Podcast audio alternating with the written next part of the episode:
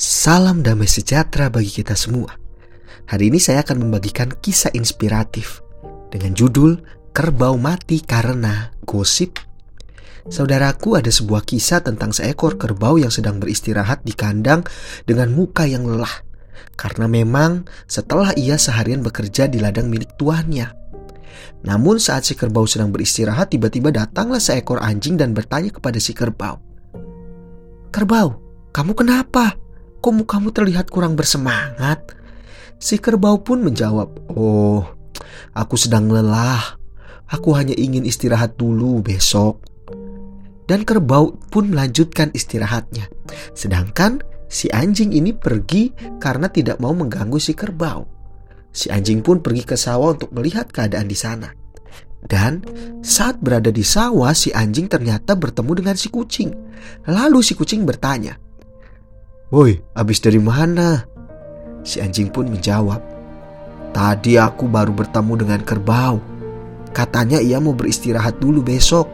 Sudah sepantasnya memang karena majikannya memberikan pekerjaan berat kepadanya.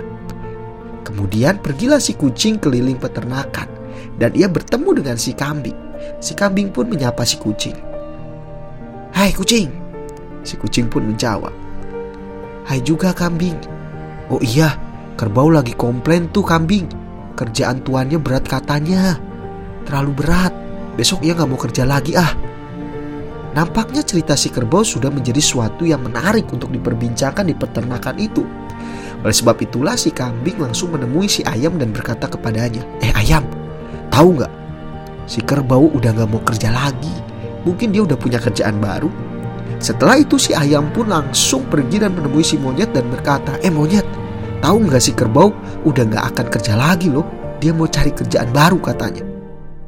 Dan karena si monyet ini dekat dengan tuannya, ia pun langsung menemui tuannya dan berkata, Tuan, akhir-akhir ini si kerbau udah berubah sifatnya. Dia udah nggak mau kerja lagi sama tuan dan akan kerja di tempat lain katanya. Mendengar perkataan dari si monyet, tuan ini pun langsung marah dan esok paginya si kerbau langsung mati disembelih oleh tuannya karena merasa kecewa si kerbau sudah tidak mau lagi kerja oleh tuannya. Di mana letak kesalahannya? Bukankah si kerbau awalnya hanya berkata mau beristirahat hari ini saja dan besok setelah itu tetap mau kerja lagi.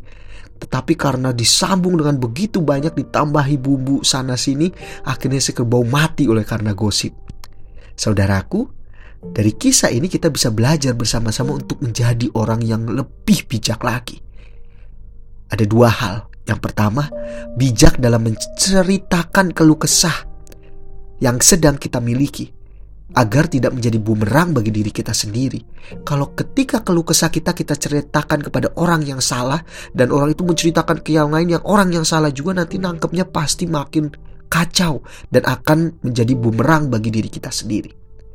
Oleh sebab itu bijaklah dalam menceritakan keluh kesah dan yang lebih baik lagi kalau bisa Belajarlah untuk tidak mengeluh, tetapi lebih bersyukur.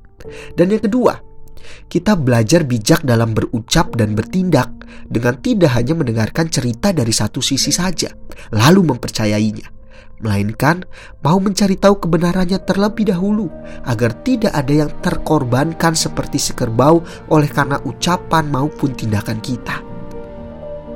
Saudaraku, marilah kita belajar untuk lebih bijak lagi agar diri kita menjadi lebih baik dan orang lain pun juga menjadi lebih baik dan melihat hal yang baik dari diri kita.